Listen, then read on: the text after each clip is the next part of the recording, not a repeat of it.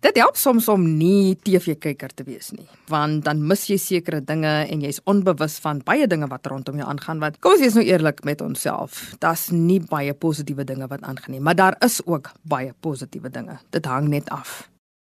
Ek het byvoorbeeld nie geweet dat daar nou 'n nuwe evangelisasie beweging is wat die ware boodskap van Christus afwater om by die hedendaagse lewe aan te pas nie.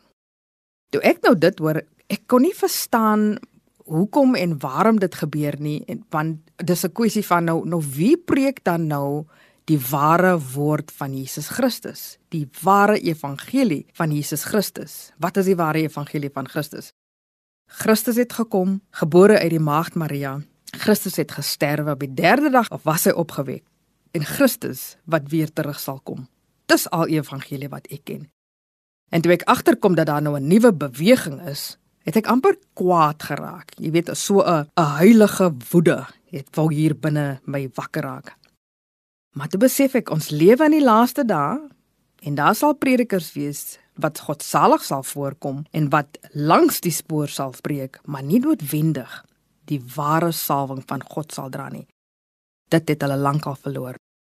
Nou my vriend, wil ek vra dat ons nie afhanklik sal wees van dit wat ons sien in die media van dit wat ons hoor in die sosiale media ensovoorts nie, maar dat ons self die woord van God sal opneem en self die woord sal van God sal lees en nie die besoedelde woord sal luister wat ons in die media wêreld hoor nie.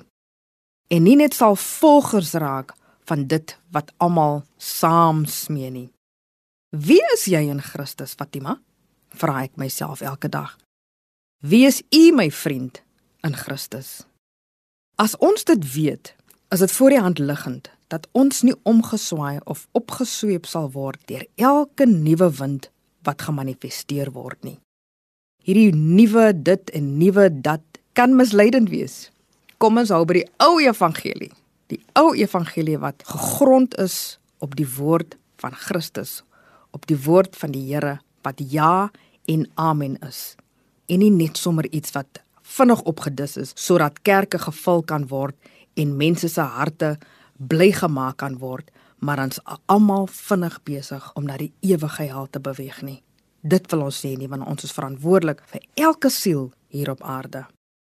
Here, hou ons standvastig in die woord, want U is die waarheid en die lewe. Amen.